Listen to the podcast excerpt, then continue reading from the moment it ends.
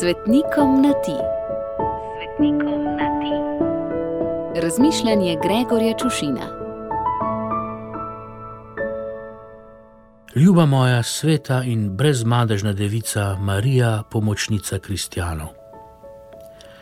Vem, da je naziv Kraljica nebes težko preseči, a zame si od otroških let dalje kraljica dnevne sobe.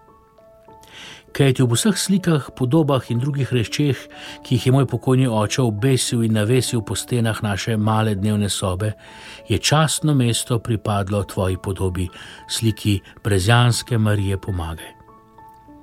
Marsikaj je šlo gor, marsikaj dol, marsikaj se je umaknilo in premaknilo na stenah, a tvoja podoba Marija je ostala vedno na istem in častnem mestu menjali in premikali smo omare, menjali in premikali kavč, spremenjala se je pozicija televizije, a tvoja podoba, Marija, je ostala vedno na istem in častnem mestu.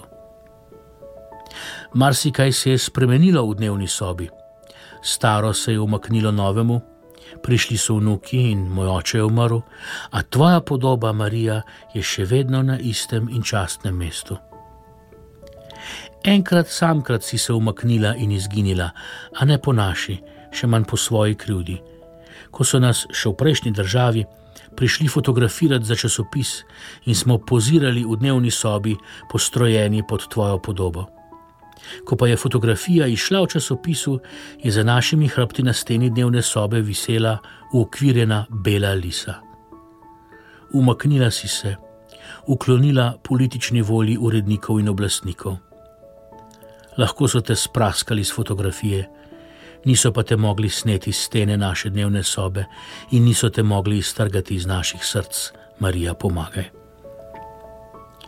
Kolikokrat sem se kot otrok sprehajal po oskem hodniku za tvojim oltarjem na brezjah in gledal z otroškim strahom in čudenjem votivne podobe, ki so prikazovale nesreče in čudežna posredovanja, prošnje in zahvale.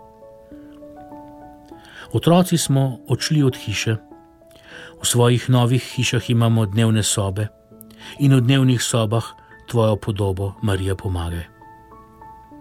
Marsikaj smo že doživeli, nesreče in čudežna posredovanja, prosimo in se ti zahvaljujemo.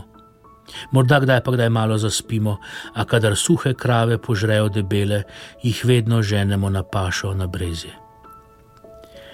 V litanijah ti je pobožno ljudstvo nadelo mnogo imen. Pomoč kristjanov so dodali šele v 16. stoletju, po bitki pri Lepantu. A če smo čisto iskreni, bi moral biti, kronološko gledano, ta vzklik na samem začetku litanij ali pa vsaj v prvi deseterici.